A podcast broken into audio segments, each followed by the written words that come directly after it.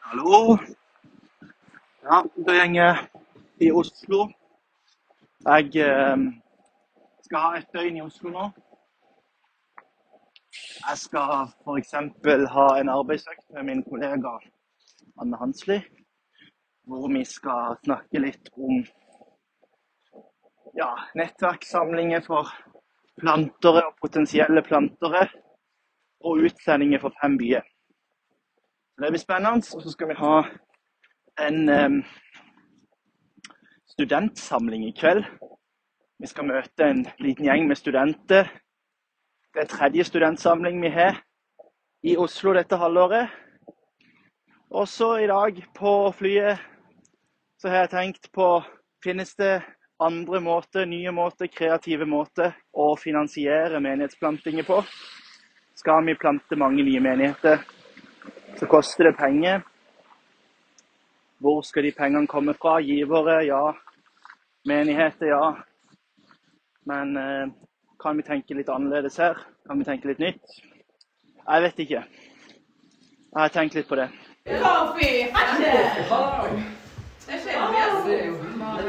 På hotellrommet. Uh, slapp av litt før studentsamling. Ellers så har vi og Anne jobba i dag med nettverkssamlinger for plantere og potensielle plantere i Misjonskirka. Veldig spennende dag.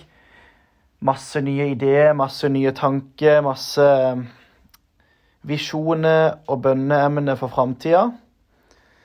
Tro sender planter. Vi vil se nye mennesker komme til tro. Vi vil sende ut flere arbeidere. Vi vil plante nye menigheter. Dette tror jeg på. Dette syns jeg er spennende å jobbe med. Kjenner meg velsigna og takknemlig for å være en del av Misjonskirken Norge. Oslo, Oslo, Oslo! Og noen, noen møter med Jesus til at fra å være liksom Ja, ikke kirka til at Men det I dag lærte vi at uh, vi må være Jeg ser alltid med frimodighet, da. Som, uh, og vi må ikke vi må ikke ta Eller vi på en måte må ikke ta Gud med eller Vi må ta med Gud i oss, men vi må heller bli en del av Gud, det Gud har uh, å tilrettelegge for og har planer om. Hei, Marius. Hello, hello. Har det vært bra på studentsamling? Det, det var en veldig bra studentsamling.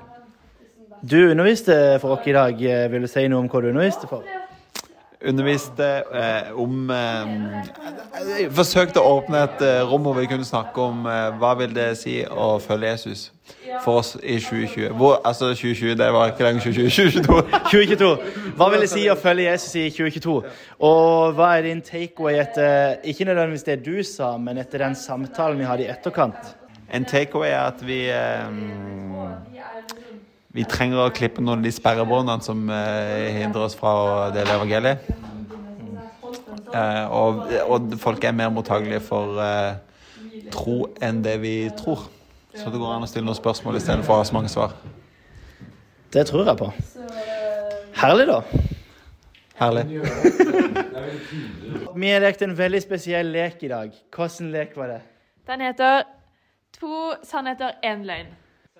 Nå, hva er det som skjer?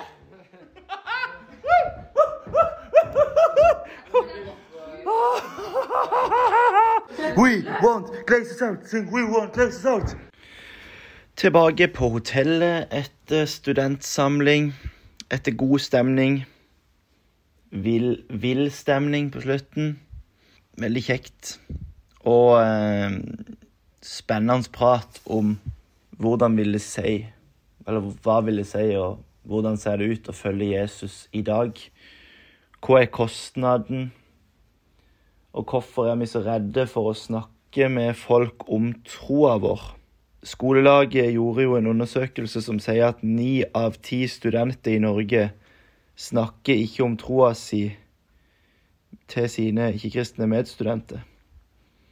Dette er en av de statistikkene vi ønsker gjennom de studentsamlingene vi har i Oslo, å være med og gjøre noe med.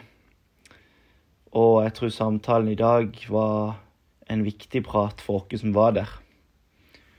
Og det er jo kanskje noe du som hører på podkasten òg kan tenke på. Snakker du med dine venner og dine naboer og din, dine kollegaer, medstudenter, om tro. Og hvis du ikke gjør det, hvorfor gjør du ikke det? Jeg tror at vi nordmenn er litt sånn at vi ikke vil sette dere på sida av noen på bussen. Og dette er litt den samme holdninga vi tar med oss i møte med folk eh, på dette med trossamtale òg.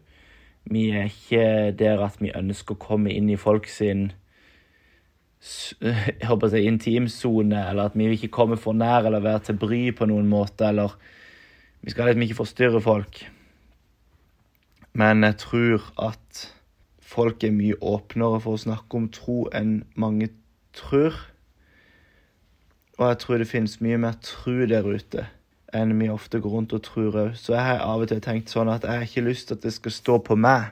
De må gjerne si nei, og de må gjerne ikke tro, men jeg vil ikke at det, det skal stoppe med at jeg ikke spør, eller jeg ikke sier hva som har vært viktig for meg med å tro på Jesus og hva han har gjort i mitt liv. Så jeg kjenner meg utfordra og inspirert før jeg skal legge meg til å sove på dette som har vært en spennende og innholdsrik dag som prosjektleder for Fem byer.